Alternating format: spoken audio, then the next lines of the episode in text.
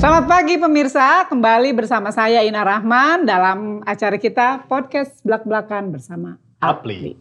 Di sebelah saya sudah ada pria ganteng, pujaan Makasih, pasangannya. cantik. Kalau saya bilang pujaan saya nanti repot yang di rumah kan. Eh, Pak Leri Wijaya. Makasih Bu Apli. Bu Apli. Bu Ina. Ingatnya Bu Ina Bu Apli sih jadi. Gak apa-apa Pak, memang saya perempuan nih. ibu yang di Apli tuh hanya Bu Ina yang di kepala saya gitu. Oh, makasih Bapak yang paling galak juga ya Pak, ditandain banget ya. Paling galak juga. Makasih loh Pak udah Makasih mau Bu ngosongin Ina. waktunya. Terima kasih buat, apalagi diundang. uh, di podcast belak-belakan bersama Apli. Iya. Gitu. Sebenarnya sih ada tiga, ada tiga poin yang akan saya tanyain ke Bapak ya. Pertama masalah keluarga, kedua masalah perusahaan, ketiga masalah Apli. Nah, Oke. sebelum saya memasuki ketiga poin itu, uh, ada sedikit basa-basi nih Pak. Saya dengar Bapak punya anak angkat nih Pak. Namanya Korpi. Bisa gimana tuh Pak? Kok bisa cinta sama anak baru gitu Pak? Ya kebetulan saya sebelum pandemi saya adopsi Oh, saya oke. itu. oh memang beneran diadopsi jadinya? Adopsi sebelum Oh, pandemi. Oh sebelum pandemi. Eh, kasihan dia di Gajah Mada. Oh kayaknya gak nyaman. Lucu ya Pak Iya, anaknya iya, ya? iya. Sebelum pandemi pas saya pengen, pengen rencananya mau ke Bali. Saya kan tinggal di Bali. Iya. Jadi saya adopsi, saya pengen bawa ke Bali. Eh nggak taunya pandemi. Ah, Terus jadi oke. udah saya pikir sama keluarga aja lah di rumah gitu. Ah oke. Tapi anak saya itu bukan manusia bu. anak iya. saya itu doggy. Iya, lucu ya Pak katanya. Corpi ya lucu banget. Nurut banget ya Pak. Nurut sih, iya kalau ada makanan aja bu, nurut bu. Ah, Sama kayak pemiliknya bu, nurut kalau ada maunya aja. kalau nggak ada maunya enggak ya Pak? Enggak. Aduh. Katanya gitu piaraan mirip katanya kadang-kadang. Ini Biasanya apa ya? Nah, karena kan saya kalau ngeliatin Instagram Bapak tuh, kadang Bapak pulang kerja dia udah nungguin di depan garasi, Iya, dan iya, Bapak iya, bangun iya. tidur udah di depan kamar, itu kan Memang paling setia sih kalau salah satu hewan paling setia sih anjing itu. Ah. Dia nggak lihat kita kaya, miskin, dia nggak lihat kita ganteng atau jelek. nah, Eh, dan ada riset juga eh, bilang kalau kita ada hewan piaraan ya gitu ya, anjing atau kucing gitu ya, kita eh, less likely untuk kena stres dan eh, juga less likely untuk kena penyakit jantung. oh, Jadi sampai segitunya iya, iya. gitu karena kita dihibur kan, dihibur Iya. dan kita ngerasa eh, selalu ada temen gitu Mungkin yang ngeliat- setia banget. Hmm. Oh, kalau saya baru ada wacana mau melihara kelinci, Pak. Ayo Mungkin karena rumah jalan kelinci ya, Iya, jadi jalan- memang ada wacana mau ke sana gitu. buat pemirsa belum tahu ini Sultan Jagakarsa di Sultan Kelinci ini. Kebetulan aja pengen membahagiakan orang tua, jadinya kita ini bergeser. kamera ke harusnya di roll bu sekali sekali itu apa eh, Hmm. bedah rumah gitu loh. Jangan Pak bahaya, pajak. Apa jaga? iya. Ini Pak Valeri kan eh, sekarang usia memasuki sudah Tiga- belum kepala empat kan Pak? Ti- belum belum tiga memasuki 35 eh, Sun 36. Mau masuk ke usia ke 36 tapi sudah memasuki tahap kalau bahasa pengusaha itu sudah masuk tahap sukses ya Pak ya. Alhamdulillah. Masih banyak belajar dari Ya, Bu Ina dan teman-teman di Apli. Ya jadi usia masih muda gitu kan, eh, belum berkeluarga juga, terus hidup sudah sukses sebenarnya apalagi sih Pak yang yang dicari gitu kan? iya iya. Iya, Eh, terus keluarga ada komplain nggak? Karena kan ngelihat kesibukan bapak yang luar biasa gitu kan, Eh, ngurusin pabrik juga gitu kan, terus ngurusin perusahaannya juga. Karena kan apalagi selama pandemi ya Pak ya, Ya. pabrik ini kan saya baca nih pabrik bapak di luar ya Pak ya. ada ini di Indo di Indo Bu. Oh, ada, eh, ada yang dari luar juga ya? Ada yang dari luar bahan bakunya. Oh bahan bakunya Iya. di luar. Tapi kita packaging semua di Indonesia. Untuk yang sekarang ya. Tapi Hmm. nanti kita mau keluar masukin juga produk dari luar negeri. Oh, Oke. Ya maksudnya bagi waktu tuh gimana orang rumah pada komplain atau enggak? Eh, untungnya papa saya pengertian sih Ah, gitu. oke. Saya dari Medan ya kebetulan ya. Jadi kalau orang Medan itu mungkin eh, nggak terlalu komplain. Ya mending pulang bawa uang. Jadi pulang bawa uang nggak komplain gitu? Nggak komplain. Kalau di rumah terus tapi Nggak ada uang? bawa uang juga dikomplain kan. Ngapain lu di rumah terus gitu Oh, kan. gitu. Keluar sana cari uang gitu. Eh, jadi untungnya saya punya keluarga suportif sih. Kan ada ya keluarga yang memang "Oh, kamu di luar terus atau pasangan hidup ya yang kamu waktunya kapan untuk saya gitu. Kalau saya sih nggak pernah sih eh, alhamdulillah. Jadi saya selalu eh, ya karena mungkin pulang bawa uang ya. Jadi aman gitu. Aman, Sekali-sekali gitu. pulang ke rumah saya gitu Pak. Jadi uangnya taruhnya ke rumah saya gitu. Iya. Pemirsa kenapa saya tanya Pak Leri tentang eh, keluarganya? Karena Pak Leri ini sangat mencintai keluarganya ya, terutama eh, bapaknya ya. Bapak, karena ya, papa kan papa. tinggal di rumah. Sama seperti saya, saya juga papa saya saya Iya. ajak tinggal di Oh, rumah iya, iya, gitu. iya. Jadi memang eh, kita kadang waktu lebih banyak buat ke orang tua dulu ya Pak ya. Betul, betul, betul. Luar biasa, nggak ada komplain-komplain selama pulang bawa uang. Itu perlu digarisbawahi loh. Kelamaan di rumah juga sering di rumah. Kelamaan di rumah nggak bawa uang, Nggak bawa uang, dikomplain. dikomplain juga kan? Iya, berantem nanti. Mending pergi gitu ya, kerja Ah. pulang bawa uang, happy. happy. Tapi sekarang lebih happy karena pandemi, kita bisa tetap di rumah, bisa pakai Zoom, bisa bawa uang gitu. Bisnis online-nya luar biasa Bisnis ya ya. online-nya jalan gitu. Eh, kalau ke usaha Bapak gitu ya, selama pandemi ini mengalami apa sih Pak? Pasang surut atau gimana? Atau malah Oh pasti ada Eh, di awal pandemi. eh, ini kan belak-belakan ya judulnya. Jadi Iya, harus belak-belakan, belak-belakan juga ya. Eh, pasti ada di awal pandemi eh, itu ada penurunan pasti gitu. Tapi karena eh, produk kita ini kesehatan ya, jadi memang eh, mungkin orang shock aja gitu. Pandemi kena lockdown, leader nggak tahu mesti gimana prospek orang gitu ya. Jadi mereka bingung gimana cara jualannya gitu. Tapi setelah itu eh, kita adapt, kita adjust pakai Zoom, pakai eh, IG live misal dan dan seterusnya pakai eh, sosmed advertising gitu ya. Akhirnya eh, karena produk kita ini memang ada yang untuk imun, ada yang untuk eh, jaga daya tahan tubuh seperti Apple gitu-gitu. Akhirnya memang dia eh, naik kembali gitu. hmm, Tapi memang di tahun ini, tahun memasuki tahun kedua pandemi ya, kita masih eh, dalam fase eh, masih recovery sih memang belum eh, apa ya, eh, belum sepenuhnya recover total gitu. Makanya kita harus tetap eh, fight dan mencari cara baru di era digital ini gitu. Terutama kita fokus lebih fokus ke digital. Ada ini nggak Pak? Perbedaan income buat perusahaan tuh selama apa Eh. sebelum pandemi, pandemi awal, sekarang pandemi Oke. menjelang Pandemi awal kita turun dikit gitu ya. Kemudian pandemi eh, akhir eh, 2020 itu malah naik. Naik Oh. signifikan. Oh iya iya iya. Set gitu naik signifikan. Saya lihat tuh soalnya teman saya banyak yang Post- apa, banyak juga. yang join BioGreen Banyak yang pakai ya. juga ya. Banyak pakai Thank you juga Bu Ina gitu. juga sering bantuin promosi. Jadi ya karena mereka saya ngelihat kok apa ada teman saya juga gitu kan bukan seperti Bu Asri kan dia Iya, tiba-tiba iya, iya. langsung jadi di apa Dia dapat tiket ke Jepang 4 kalau salah. iya ya. di level berapa gitu kan Ya, itu dia biasa dengan Bu Asri. iya jadi ke teman-teman kami tuh di arisan di komunitas tuh rajin makanya saya bilang ini luar biasa BioGreen Thank you, thank kenceng you. juga selama Bantuan Bu Ina pandemi. juga sering posting juga. Makanya teman-teman kalau mau omsetnya naik jangan lupa kirim Bu Ina. Bisa aja Bapak. Iya, Eh, apa sih Pak yang menarik dari produk Bapak ini yang best seller ini ya? Iya ini best seller. Ini yang plus ya, Pak, ya? Yang plus, iya. Jadi eh, ini Apple-nya dari Swiss. eh, sampai perangko di Swiss pun pakai eh, gambar Apple ini. Namanya Woodwheeler Sport Lover. Memang susah sebutnya. Tapi intinya Apple ini dia bisa meregenerasi eh, dirinya sendiri kalau tergores. Apple-nya bisa nutup kembali goresannya gitu. Oh gitu. Terus kalau dia ditaruh di suhu ruangan gini ya, dia selama satu tahun tidak membusuk. Kalau apel biasa kan tergores pasti lama-lama dia busuk ya. Iya. Mengkerut atau enggak mengkerut gitu. Kalau apel ini dia bisa bertahan satu tahun tanpa dimasukin ke kulkas gitu. Nah waktu dites ke manusia di kulit dan di rambut, dia bisa meregenerasi sel kulit dan rambut gitu. Makanya Oh oke. eh, akhirnya ini jadi salah satu best selling kita dan sejak kita launching ini tujuh tahun yang lalu eh, banyak juga sih company yang juga pakai eh, Yang Apple menjiplak.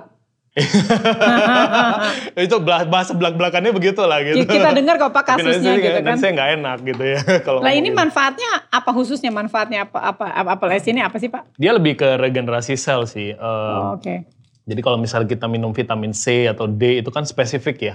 Kita suplemenkan vitamin yang tidak kita dapat dari makanan. Iya. Atau kita makan iron atau zinc gitu ya. Tapi kalau eh, tidak ada suplemen yang meregenerasi sel. Karena Oh, kalau oke. fungsi regenerasi sel itu belum ada di suplemen-suplemen yang ada di eh, toko-toko lah ya gitu ya. Nah dia fungsinya lebih ke meregenerasi sel-sel kita yang rusak gitu. Dia lebih bagus juga ya. Masalahnya kan gampang ya minumnya cuma taruh di bawah lidah. bawa ya, lidah saset terus kita juga yang eh, awal-awal kita yang bawa konsep begini ke Indonesia jadi kalau dulu kan selalu memang eh, kalau nggak bentuk air. kapsul atau diaduk kayak Hmm. ini kan diaduk dikocok gitu Eh, kita sistemnya kita eh, di bawah lidah jadi nanopartikelnya bisa langsung nyerap dan ini kan simpel ya praktis ibu bisa kantongin bawa ke mana-mana jadi nggak males minumnya gitu Hmm. tapi kalau kapsul gini memang kadang-kadang harus kita sediakan air kita minum kalau yang gini harus dikocok gitu Nah, ini baik-baiknya sehari ini berapa Pak? Eh, kita saranin sih kalau yang untuk optimal tuh sehari 2 sampai 4 saset. Oh oke. Iya, tapi kalau misalnya budget ya mungkin karena ini juga harganya eh, Lumayan lumayan, mahal, ya, satu juta seratus Itu salah satu efek negatifnya itu ya Pak. Mahal. Bisa gratis kok kalau jadi member. oh. Jadi kalau memang budgetnya terbatas ya mungkin kita sarankan hari dua. satu hari dua saset. Oh, ini buat imun juga bagus ya? Buat imun juga bagus, iya. Untuk eh, dia bisa apa namanya jaga iya, daya tahan tubuh ya, gitu. Terutama kalau misal kita lihat misalnya COVID gitu kan dia merusak ya, dia merusak sel eh, apa eh, paru-paru, Iya. bikin orang kesulitan napas dan dan lain sebagainya. Nah ini dia meregenerasi kembali selnya. Oh oke, berarti sebenarnya bagus buat pasien COVID juga ya? Bagus banyak juga yang minum, eh, tapi kita bukan menyembuhkan ya, kita membantu Iya. mempercepat penyembuhannya dia gitu. Hati-hati overclaim Pak, Badan POM nungguin. Nggak boleh. Nggak boleh. Ya, ini biasanya Pak Indonesia ini bukan hal yang eh, apa sih? Bukan hal yang aneh ya. Kalau ada produk bagus, apalagi apple stem cell, pasti itu banyak pembajak atau Banyak, banyak, pen- banyak banget. peniru gitu ya. Banyak banget. nah. Nah, apa eh, seperti yang saya tahu juga ada beberapa eh, perusahaan yang mencoba menjiplak karya eh, Biogreen Science gitu ya iya, Pak. iya, banyak. Itu Bapak mengantisipasinya seperti apa Pak? Eh, kita tentu saja dengan edukasi Bu Ina ya. Iya. Jadi kalau misalnya dia bilang misalnya produknya dia sama dengan kita, kita edukasi gitu. Kita kasih lihat bahwa kita nih yang benar-benar kerjasama dengan perusahaan Swiss. Kita bahkan bawa member kita ke situ sudah beberapa kali. Kita ada juga buktinya semua di pabriknya dan lain sebagainya gitu. Jadi eh, dan kita satu-satunya produk setahu saya yang dipegang langsung sama si eh, penemu apple stem cell ini di Swiss. Oh oke. Kalau yang lain-lain dia biasanya eh, nggak mau pegang tuh, dia cuma ya paling kalau kayak orang minta foto, ya saya foto ya, foto di sebelahnya ya paling dia foto gitu. Dia nggak Oh. pernah pegang produk lain selain yang Apple kita, Oh, jadi dia memang inventor ya gitu. Oh, jadi dia memang apa mungkin happy ya Pak ya, karena memang kandungannya real apple stem cell nggak Iya. Dan seperti kita yang pertama bawa dia ke Indonesia, Indonesia. Jadi dia hanya se- sepengetahuan saya, hanya dia yang eh, pegang produk gini nih baru produk Biogreen aja gitu, Oh, inventornya yang sudah finish good gini. Hmm. Kalau yang lain-lain yang pakai Apple, ada sih foundernya misal foto dengan dia gitu ya, dengan penemunya namanya Dr. Fred Zuli. Eh, tapi Dr. Fred nggak pernah pegang produk kayak gitu, nggak pernah. Hanya paling foto di sebelahnya aja.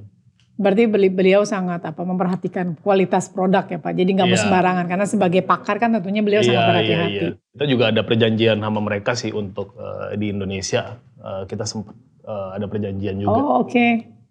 Luar biasa. Satu lagi produk andalannya ini ya, Iya, Biomile Biomile. untuk laki-laki. Ini untuk perempuannya. Oh, perempuannya? Eh, untuk laki-laki kebetulan saya nggak bawa karena saya takut nanti Bu Ina. Bisa aja Bapak. Bu Ina sibuk nanti malam ini takutnya. Nah, Kalau ini eh, buat perempuan lebih ke apa nih Pak? Stamina? Dia sebenarnya untuk perempuan, untuk orang tua dan anak kecil. Jadi bisa untuk tiga-tiganya. Kalau perempuan dia lebih ke seksualnya ya. Untuk misalnya dia Hmm. eh, gairah seksual perempuan kan kadang-kadang bisa menurun seiring dengan waktu. Sama dengan pria. Ya. Bisa menurun gairahnya maupun kemampuannya gitu. Oh kadang Nah. frigid gitu ya Pak ya? Iya, kalau ini dia bisa eh, Membangkitkan. bukan hanya membangkitkan tapi dia bisa lebih bikin eh, misalnya dari tadinya kering gitu jadi bisa lebih basah gitu misalnya. Oh gitu. Terus eh, ini juga anti stres. Jadi kalau misalnya sekarang lagi pandemi gini banyak yang mental health issue ya, stres atau panik, ya ini bagus gitu untuk Itu. itu. Hmm. Berarti lebih ke ini ya, ke brand dia ya? Brain, eh, karena kan kalau misalnya cewek minum kan juga brainnya yang dipengaruhin kan, makanya dia lebih happy dan dia lebih bisa mau untuk berhubungan seksual gitu. gitu. Dan- Perempuan yang baper-baper nih sebaiknya minum. Nanti saya taruh di Instagram saya. Buat anda yang baper, minum Biomel. Iya. Khasiatnya saya udah tahu. Dari dulu mau nanya detail cuman malu gitu kan.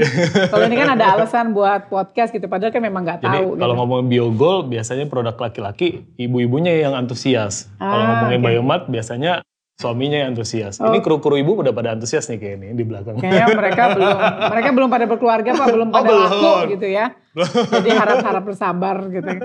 Oh jadi eh, temannya Biomart ini adalah Biogold. Biogold itu buat laki-laki ya? ini untuk perempuan ya. fungsinya sama ya, cuma bedanya buat laki-laki ini buat perempuan. Betul. Hmm, luar biasa. Ini ada satu lagi apa nih pak? Ini yang terbaru kita eh, Bio Olivia ini untuk menurunkan kadar kolesterol. Eh, jadi kalau misal kita senang makan gorengan atau misalnya kita suka makan em, makanan yang berlemak ya, eh, itu pasti kadar kolesterol tinggi Oh, gitu. oke. Atau kalau misalnya kita suka nge-gym deh simpelnya, suka makan daging, kayak saya kan nge-gym. Nah kita eh, pasti kolesterolnya tinggi gitu. Nah biasanya kita harus eh, minum obat dokter tuh kalau kolesterol tinggi. Hmm. Tapi obat dokter itu sekali minum harus minum seumur hidup. Iya, jadi Ya, ketergantungan. saya bukan against obat dokter ya, jadi jangan salah paham gitu. Ah, ya. iya, iya. Tapi eh, kalau misalnya kita belum perlu obat dokter, misalnya kadar LDL, lemak jahat kita Hmm. masih di bawah 200, eh, itu belum perlu intervensi obat dokter, Hmm. tapi perlu diturunkan. Nah, biasanya turunkannya dengan apa ya? Makan sehat, makan buah, makan sayur, kurangin eh, goreng-gorengan gitu. Enggak mungkin deh Pak. Ada Gorengan orang yang bilang agak sulit. eh, Sulit nah, banget Pak, sulit bukan banget. agak sulit, sulit banget Pak. Nah, jadi ini solusinya untuk yang eh, memang eh, kadar kolesterolnya belum perlu intervensi obat dokter, jadi Oke. kayak di tengah-tengah gitu. Ah. Tapi sudah tinggi gitu. Ah, oke. Kolesterol totalnya biasa sudah di atas 200, tapi kadar LDL-nya dia misalnya di eh, di range misalnya 180, 170 itu udah cukup tinggi. Hmm, Nah, itu eh, di range-range itu kita sarankan minum ini. minum ini ya, Olivia namanya bagus nih Pak. Bio Olivia dan Bio kita bisa Olivia. demoin nih Bu. Jadi eh, sekarang mereka jualannya pakai demo, makanya ini salah satu best selling kita. Oh, Jadi sebelum eh, waktu presentasi leader kita biasa bawa alat tes, Aha. ditusuk gitu ya, dites. tes kolesterol. Ya, Hah? saya tadi mau bawa tapi eh, saya takut Ibu Ina kesakitan nanti ditusuk gitu. Oh gitu. Puasa juga kan kita repot berdarah. iya, mak- Tes oh iya. ya. kolesterolnya. Tes kolesterolnya itu kolesterol- rata-rata. Walaupun dia kurus ya, mereka rata-rata tuh pede pikir oh saya kurus, saya muda, nggak mungkin ada kolesterol. Ternyata di Bali kita tes, eh, misalnya kita presentasi 20 orang, kita tes 20 orang, itu 20-20-nya tinggi. Di atas 200 semua kolesterol eh, totalnya, 260, 300. Saya 142 alhamdulillah Pak. Oh alhamdulillah, 142. berarti bagus. Oh, belum belum ke Nah. sana karena ngejaga banget makan. Oh ya? Karena diet. Pak. Nah. Kalau nggak diet bahaya saya kan. Iya kalau diet pasti dia akan turun gitu. Mhm. Tapi kalau kita kadang-kadang lagi, ya kadang-kadang ya lagi acara atau apa pasti ada lah ya makan-makan yang berlemak itu pasti naik. Nah, kalau naik kita sarankan minum ini. Nah setelah dites tadi, terus kita kasih ini minum sama apel dua minggu kemudian kita tes lagi. Nah itu turun, Pasti turun tuh ya. pasti turun.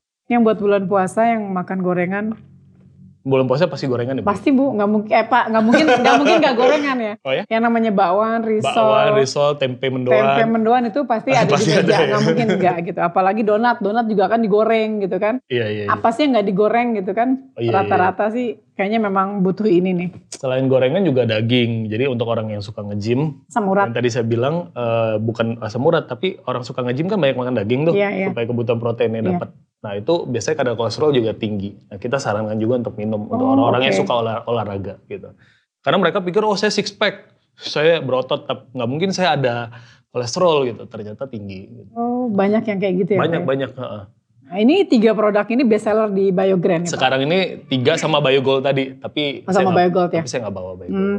Nah dari dari dari empat produk ini tuh Pak rata-rata rata-rata eh, income leader bapak berapa sih? Gitu? Hmm, nanti pajak katanya. Nggak, kan dulu aja kita ngomong dulu ya dulu eh, di awal kita jalan ya dalam dua tahun pertama eh, itu untuk dapetin 100 juta per bulan itu boleh dibilang eh, sangat mudah sekali. Oh oke. Eh, Sekarang top leader berapa? top leader income-nya. Iya. Enggak top leader bapak ada berapa orang? Oh top leader, top leader kita yang ada di Komnas itu eh, ring satu ya, itu ada 8 orangan mah. Bu termasuk siapa? Bu, Bu Inge. Bu Inge ya. Bu Inge, Pak Jansen, Bu Iya. Lucy, Bu Erna, Bu Kartini, Oh, itu eh, di, di ada delapan Pak orang. Andri. Nah delap, dari delapan orang itu pemasukan tertinggi masih Bu Inge ya pak ya? Eh, untuk saat ini Bali memang eh, merosot ke eh, nomor dua karena pandemi di Bali itu sangat menghit ekonomi Bali. Jadi Oh, oke. banyak orang Bali yang eh, jujur ngomong ya saat ini memang lagi dalam keadaan yang kurang baik lah. Mm, mm, mm, mm. Jadi eh, dulu Bali memang nomor satu, tapi sekarang merosot ke nomor dua. But saya yakin setelah pandemi dia akan naik lagi ke nomor satu. Begitu Bali dibuka, turis bisa masuk, dia pasti naik lagi gitu. Tapi sekarang Bali memang karena pandemi ya, turis berkurang, ya pemasukan orang Bali pun berkurang gitu. Oh berarti pemasukan Bu Inge pun berkurang dong. Pasti. Sekarang yang tertinggi siapa pak? Nggak usah tanya siapanya deh berapa income-nya. Eh, Ya, kira-kira- Siapanya aja deh. Saya udah tahu pasti jawabannya Pak Jansen. Mungkin eh, gantian sih Bu. Kadang Ah, Pak. Jansen, kadang Bu Inge, kadang Pak Ah, Jansen, kadang Bu oke. Inge. Karena Bu Inge kan jaringannya tidak hanya di Bali, ada Oh, juga di luar kota gitu. Pengen tahu Pak income-nya tuh berapa tiap bulannya gitu kan. Eh, Kan belak-belakan Pak, jadi pengen tahu aja ya apakah di apakah di atas 500 juta atau di bawah 500 juta, pengen tahu. Eh, yang pasti 9 digit Bu Ina. Bu Ina. 9 digit itu 9 digit itu 1, 2, 3. Satu, dua, tiga. Banyak juga Pak ya. Banyak juga yang pasti. 9 digit ya 500 juta tuh 9 digit loh Pak. 9 digit. Pakai pakai yang pasti 900 juta tuh 9 digit loh Pak. 999 999 juga. Itu juga 9 9 digit. digit. Oh jadi segitu, lumayan ya Pak ya. Lumayan. Happy lah mereka pastikan tanpa harus Iya. keluar rumah tentunya kan. Apalagi sekarang kan mereka ya bisa Zoom, bisa Hmm. dengan online internet gitu. Oh oke.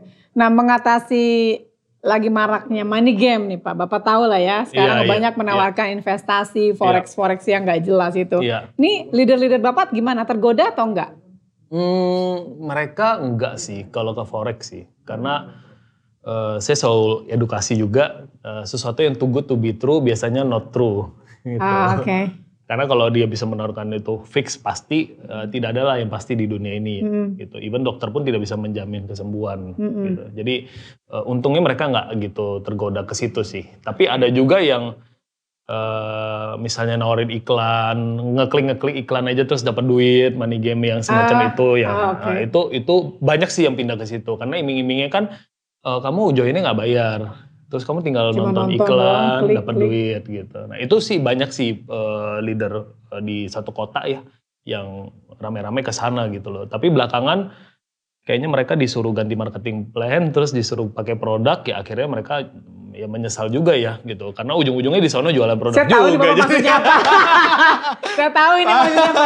Saya tahu nih. Ah, karena ujung-ujungnya eh kirain nggak usah jual produk. Ternyata jualan juga. Ternyata jualan juga. Mending balik ngurusin Mending balik Biogreen Biogreen, kan udah tapi udah malu. hafal. Tapi udah malu. Oh ada juga yang kayak Malu, gitu. ah, Banyak berapa persen Pak yang kira-kira? ah. Tapi nggak signifikan kan Pak, nggak terlalu di bawah banyak. 10 persen lah. Oh cuma di bawah 10 persen. Iya. Tapi kan khawatirnya hal-hal seperti itu justru mengganggu apa eh, apa sih kredibilitas di leader-leader yang lain kan kalau nggak ada tindakan tegas dari Oh perusahaan. iya iya, kita suspend semua, makanya mereka juga mau balik sus- susah gitu dan malu juga mungkin. Oh, Jadi yang pindah itu Bapak suspend gitu ya. Karena kan Suspend. Eh, saya sering menanyakan ke apa ke narasumber buat podcast Apli ya menghadapi maraknya money game, maraknya apa Mereka gimana? forex itu ya. Mereka rata-rata itu juga Pak. Memang dari perusahaan harus ada tindakan tegas, Tegas, ya. iya. Artinya entah dia mau di apa terminate atau dia mau disuspend bonusnya Iya. atau mau apa itu harus ketak- takutnya adalah dia justru seperti cancer gitu loh Pak. Betul, betul. Menggerogoti Iya. orang lain akhirnya. Jadi mendingan kita kehilangan apa eh, top leader lah katakan dua orang daripada harus ngerogotin semuanya, Semuanya betul gitu. betul sih. Untungnya apa perusahaan kita di di APRI juga diatur ya kode etik yang secara Iya, tegas buat menghadapi money game itu seperti apa. Iya, gitu karena kan. ada juga yang soal disuspend kan marah kan. Ini kan bukan MLM, ini kan nggak jualan produk gitu, dalilnya gitu loh. Tapi kalau dia rekrut member apa pun yang dia jual itu tetap aja dia memang harus iya kan, saya bilang Iya. kalau kamu rekrut member ya termasuk itu termasuk multi level marketing Iya. gitu. Namanya udah berle apalagi rekrut membernya bukan satu level ya. Kalau reseller-reseller yang online sekarang kan satu level. Kalau Iya. ini kan berlevel-level. Iya betul. Kalau udah berlevel-level ya multi level marketing Iya. gitu. Jadi Kadang mereka ya, pema- ya memang benar kata Pak Ler itu segala sesuatu itu kan perlu diedukasi ya. iya. Mungkin kita dulu selama ini kan kita berpikir pandemi ini eh, lebih banyak negatifnya. Sebenarnya adalah sisi positif yaitu adalah kita lebih gampang Oh, malah banyak mengedukasi. sisi positif ya Bu. Iya, Hmm. gampang mengedukasi, mensosialisasikan, bahkan mempraktekkan khasiat dari produk-produk suplemen sebenarnya kan ya. Iya, dan marketing pun sekarang lebih enak, sales pun sekarang lebih enak gitu, leader gitu. Mereka nggak perlu spend bensin, pulsa yang banyak, mereka nggak perlu spend waktu Nggak perlu bayar pergi, ah, bayarin mereka makan terus nggak join lagi, Hmm. ya kan? Kadang-kadang kan gitu ya. Iya. Eh, itu semua cost itu bisa dialihkan ke eh, digital marketing gitu. Hmm. Jadi s- menghemat banyak wak- banget waktu, tenaga dan eh, uang gitu. Karena kan kadang-kadang ya ibu tau lah kalau kita misalnya ngundang prospek nggak mungkin dong nggak beliin minum Iyalah. minimal gitu ya, kecuali belum puasa ya. Kalau udah minum masa minum doang gitu kan Ah, makanannya mana. iya kan? Jadi Oh, berarti mereka lebih happy ya Pak ya sebenarnya. Iya, sebenarnya jadi lebih happy karena budget itu bisa langsung dialokasikan ke ads misalnya yang lebih spesifik target marketnya gitu atau mereka bisa eh, waktunya bisa bikin untuk konten YouTube Iya, gitu iya, iya, iya. dan seterusnya dan seterusnya. Ya bahkan selama pandemi kemarin ya, pandemi awal itu kita dari industri direct selling ya, statement dari Menteri Perdagangan eh, Pak Agus waktu itu, beliau mengatakan bahwa kita dari industri direct selling ini mampu memberikan eh, income ke negara sebesar kurang lebih 16,9 9 triliun atau Oh. 16, koma berapa triliun itu hal yang luar biasa gitu kan. Iya, iya. Semoga eh, industri kita ke depannya bisa lebih baik lagi gitu ya Pak ya. Amin, amin. Nah sekarang saya pengen tanya seputar Apli nih. Kenapa sih Pak Leri nggak mau jadi pengurus Apli? Aduh. Habis Bu Ina nggak pernah ini. Nggak Ya. pernah kirim invite invitation ya, nggak bercanda-bercanda. Bu Ina selalu ngajakin, Pak mau nggak jadi pengurus Apli gitu ya. Tapi saya memang eh, mungkin karena saya kan ada running beberapa company juga Bu. Ah. Kalau di Apli kan harus eh, all out ya. Kita bukan hanya jadi pengurus dalam arti eh, judulnya saja pengurus, tapi kita juga benar-benar harus kontribusi gitu. Sih. Kalau nggak kita nggak enak ya dengan kolega nanti di Apli. Iya, gitu. iya. Dan kebetulan mungkin saya belum bisa komit untuk eh, ke sana gitu. Waktunya ya Pak agak Hmm, susah ya. saya ada beberapa bisnis yang juga perlu saya urusin ya. Jadi ya karena komitmen itu belum bisa dapat, makanya saya bilang mungkin eh, belum dulu gitu Bu Ina. Tapi makasih banyak udah. Apa sih yang Bapak harapkan dari Tapi join di Apli aja saya udah udah bangga banget kok. itu saya tanya kenapa sih Bapak mau join di Apli? Apa sih harapan Bapak dengan perusahaan Biogreen itu join di Apli?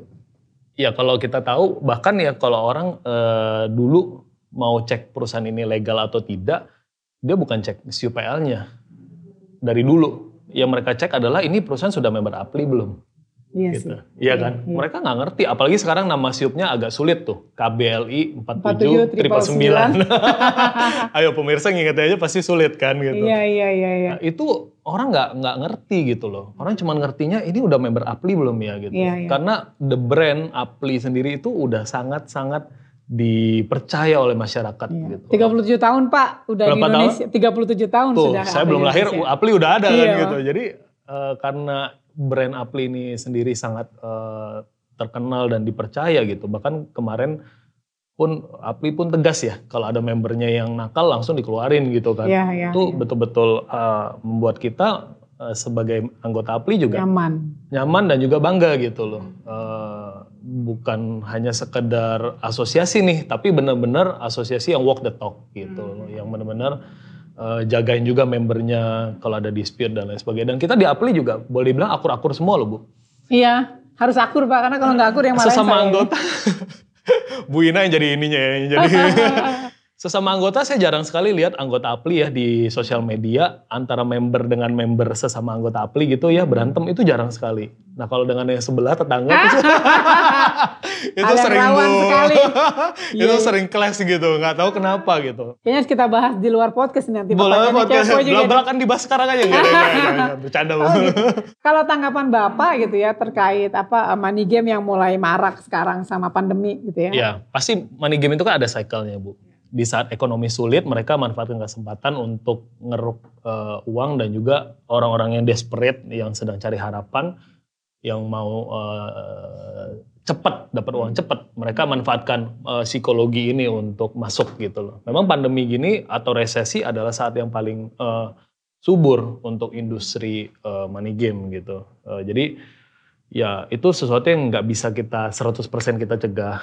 Yang pasti yang kita bisa lakukan di Apli adalah terus mengedukasi seperti ini, terus kita juga di perusahaan terus mengedukasi bahwa eh, itu adalah short term bukan long term dan nama baik kita juga rusak dan lain sebagainya gitu. Hmm. Jadi ya ya harapan saya sih semoga eh, perusahaan-perusahaan yang real bergerak di bidang produk seperti kita ini eh, jadi masyarakat jangan sampai kecampur aduk gitu loh. Iya iya iya. Kadang kan mereka bingung.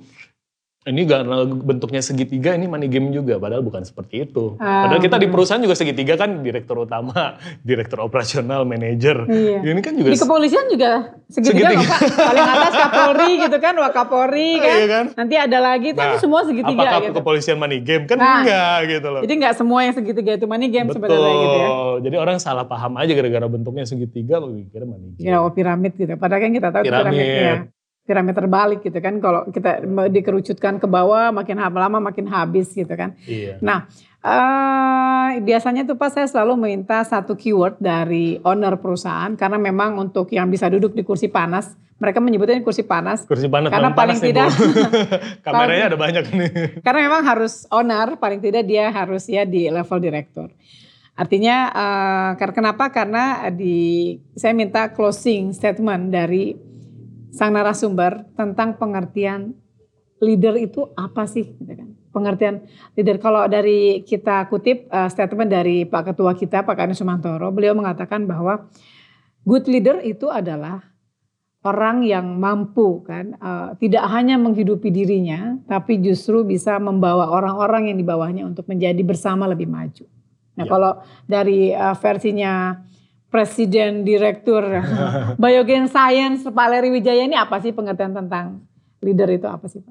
Iya, saya saya sepakat dengan Pak Kani sih. Menurut saya good leader adalah uh, seorang yang mampu untuk mengayomi dan juga membawa timnya ke tempat yang lebih baik gitu. Jadi saya sangat sependapat dengan itu gitu. Karena seorang good leader selain mengayomi artinya melayani ya, melayani dan juga bisa membawa timnya uh, ke tempat yang lebih baik daripada sebelumnya gitu. Karena melayani itu uh, dia mau bawa leader ke tempat lebih baik dari sebelumnya kan harus melayani.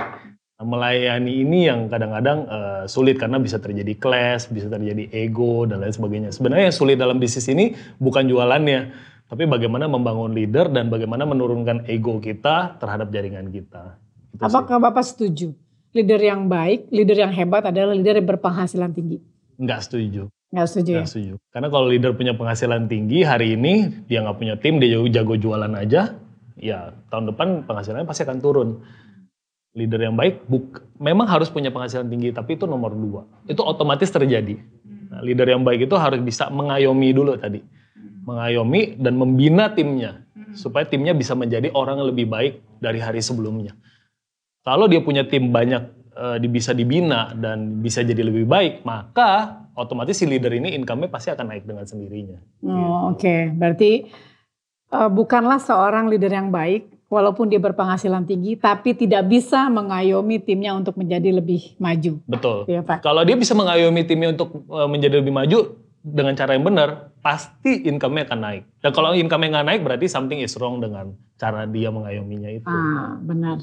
Luar biasa. Uh, tanpa terasa sudah 30 menit lebih ya Cepat sekali Pak. Cepet, ya? Selalu memang gak berasa Pak. Kok terasanya ke baru 10 menit ya? Memang kalau ngobrol sama saya suka tahu-tahu oh udah satu jam, oh tahu-tahu udah 30 menit lebih. Uh, terima kasih Pak Leri atas kehadirannya di podcast Belak-Belakan bersama Terima kasih Apli. banyak Bu Ina undangannya. Ya, semoga uh, apa yang disampaikan Pak Leri bisa menjadi masukan, bisa menjadi nasihat yang baik buat kita semua. Sekali lagi uh, terima kasih uh, pemirsa, selamat pagi. Semangat pagi. Selamat Hidul uh, Raya Hari Raya Idul Fitri, minal aidin wal faizin, mohon maaf lahir dan batin.